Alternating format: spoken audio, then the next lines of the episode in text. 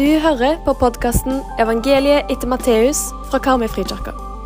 Vårt mål er å gi daglig inspirasjon til å følge Jesus. Hei igjen. Nå skal vi lese videre i Matteus 24 og versene 15 til 22. Når dere ser at det motbydelige som ødelegger, det som profeten Daniel har talt om, står på hellig sted, la den som leser opp, tyde det.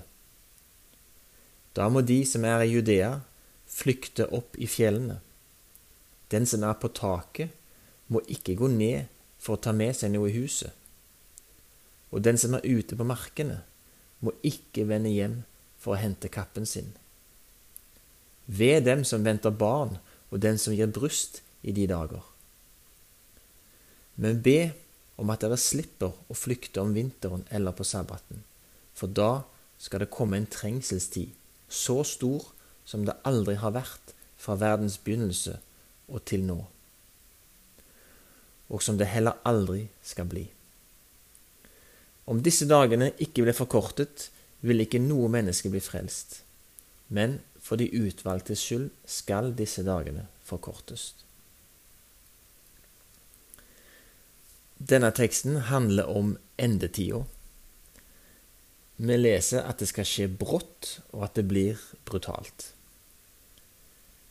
Jeg er en sånn type som fort kan bli litt paralysert og passive når jeg leser sånne tekster.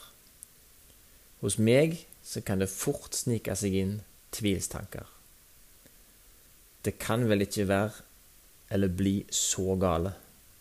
Dette er jo skrevet for mange, mange år siden, osv., osv. Det er på en måte så voldsomt og urealistisk at jeg nesten kan bli litt sånn handlingslamma i forhold til det. Men egentlig så tror jeg at en sånn reaksjon er det motsatte av det som er hensikten med teksten. For selv om dette er voldsomt og brutalt og vanskelig å forstå, så er det fortsatt Guds ord. Og vi som følger Han, vi vet at Guds ord er sannhet. Så hva betyr dette for deg og meg, da? For å ta en sammenligning til noe helt annet. Vi er jo ganske vant med å måtte forholde oss til tidsfrister. Det kan være i stort og i smått. I arbeidslivet, f.eks. Jeg har ofte tidsfrister i min jobb. Plutselig så kan det komme opp ting som jeg må levere og ordne på kort tid. Hvis sjefen min ber meg om det, så prøver jeg å prioritere det. Jeg rydder plass og planlegger, sånn at jeg når den tidsfristen som er satt. Kanskje må jeg til og med jobbe litt i helga for å være klar til mandagsmorgen. På en måte så er det litt det samme her òg.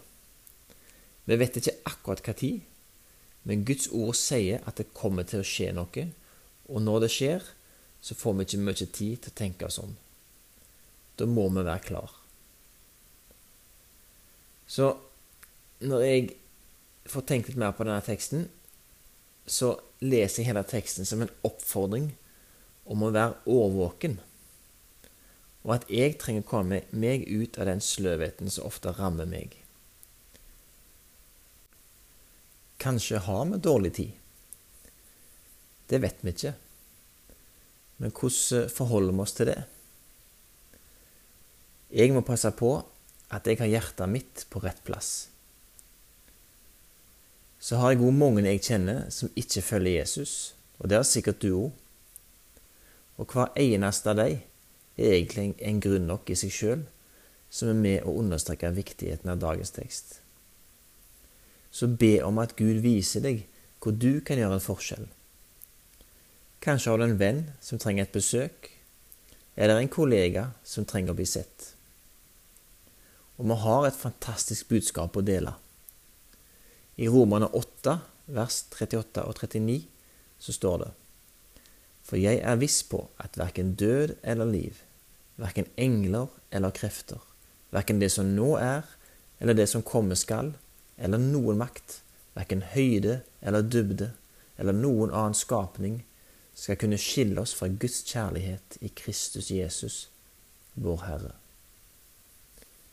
Da skal vi be. Far, hjelp oss til å hele tida holde oss nær til deg. Hjelp oss til å være årvåkne og utholdende. Vi ber om at du må vise oss hvor du kan bruke oss for å fremme ditt rike. Evige Gud, du som har skapt himmel og jord og havet, og alt det som er i deg, og som gjennom alt du godt du gjør, vitner om at du finnes. Vi priser din storhet, og vi ber for denne dagen. Omvend oss til deg, så vi ikke går våre egne veier, og fyll vårt hjerte med den gleden som gjør våre liv til en duft av Kristus i verden. Må Guds fred, som overgår all forstand, bevare våre hjerter og tanker i Jesus Kristus. Amen. Vi håper du blir med videre for å lese hele evangeliet etter Matteus sammen med oss. Leseplanen finner du på våre nettsider.